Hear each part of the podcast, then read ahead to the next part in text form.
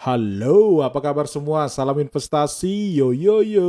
Terima kasih tetap mendengarkan podcast saya Yosi Girsang. Kali ini kita akan membahas tentang dua hal yang sebaiknya Anda hindari ketika Anda berinvestasi di saham. Yang pertama adalah jangan menggunakan dana yang akan Anda pakai dalam waktu singkat.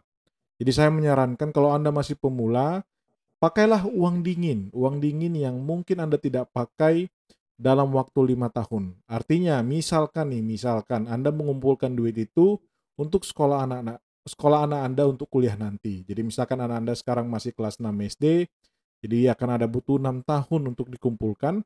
Artinya dana itu nggak akan Anda utak-utik, nanti khusus digunakan ketika dia masuk kuliah. Ya, 6 tahun berikutnya. Nah itu, jadi kalau Anda masih pemula, gunakan pemula gunakan dana dingin yang mana dana itu dalam waktu lima tahun tidak digunakan. Semakin Anda experience, semakin Anda advance, memahami bagaimana berinvestasi dengan benar, Anda paham dengan siklus dari uh, pasar modal, dalam artian adalah Anda tahu bagaimana untuk memilih uh, perusahaan yang tepat dan berapa valuasinya, barulah Anda mungkin bisa menggunakan dana dalam rentang waktu tiga tahun gitu. Dalam maksudnya di atas tiga tahun, mohon maaf.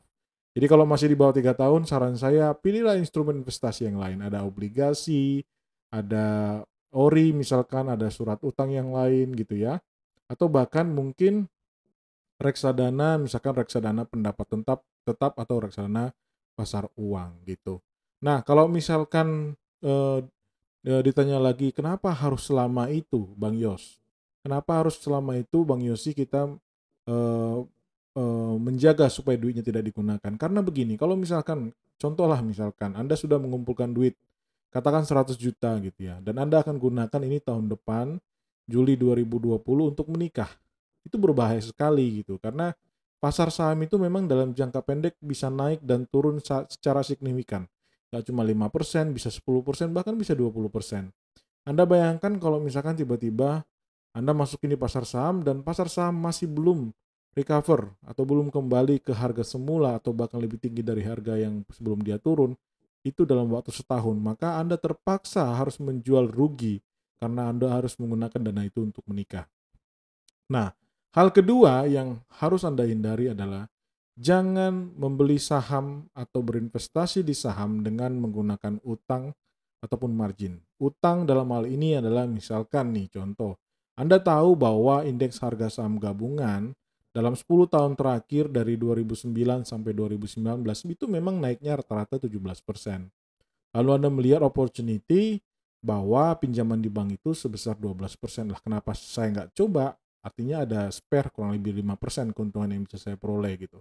Namun faktanya adalah 17% rata-rata return dari ISG itu itu adalah rata-rata. Jadi ada di satu tahun di mana dia minusnya 20%, minus 10% ada dia dalam setahun untungnya atau uh, returnnya 40% misalkan atau 20% gitu. Jadi itu rata-rata 17%.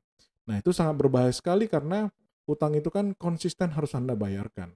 Dan jangan salah, 12% utang yang Anda pinjam biasanya, apalagi dia utang yang sifatnya kredit tanpa agunan misalkan gitu ya, ataupun kredit dengan agunan, itu biasanya yang Anda bayarkan itu tidak hanya bunganya saja, tapi termasuk pokoknya juga gitu. Artinya sebenarnya bunga yang Anda bayarkan secara total ya bunga efektifnya itu tidak hanya 12% karena ada pokok yang juga harus Anda e, lunaskan gitu. Jadi sehingga sudah dihitung-hitung secara total itu lebih dari 12%, mungkin bisa jadi 20% bahkan lebih dari itu. Nah, terus apa yang disebut dengan margin? Margin itu juga sama dengan utang. Jadi kalau Anda sudah mempunyai rekening saham, itu biasanya ditawarkan fasilitas margin. Margin itu sifatnya Anda bisa membeli lebih banyak dari dana yang Anda miliki. Jadi misalkan dana Anda 50 juta, Anda bisa belanja saham 100 juta kali dua, li, e, dua kali lipat dari dana yang Anda miliki. Tentunya ada bunga per hari yang harus Anda bayarkan. Mungkin angkanya berkisar sekitar e, mungkin 0,5% per hari. Jadi dalam setahun bisa kurang lebih 18%. Nah ini berbahaya juga gitu. Iya kalau dalam setahun recover pasar sahamnya. Kalau enggak, berarti Anda harus bayar bunga 18%. Itu satu. Yang kedua, itu margin ada batasnya.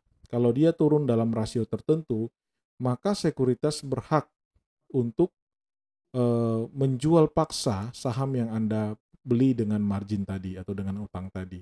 Sehingga bisa jadi akhirnya itu menggerus modal awal Anda. Nah ini dia dua tips yang saya sarankan untuk Anda hindari dalam berinvestasi saham. Semoga bermanfaat.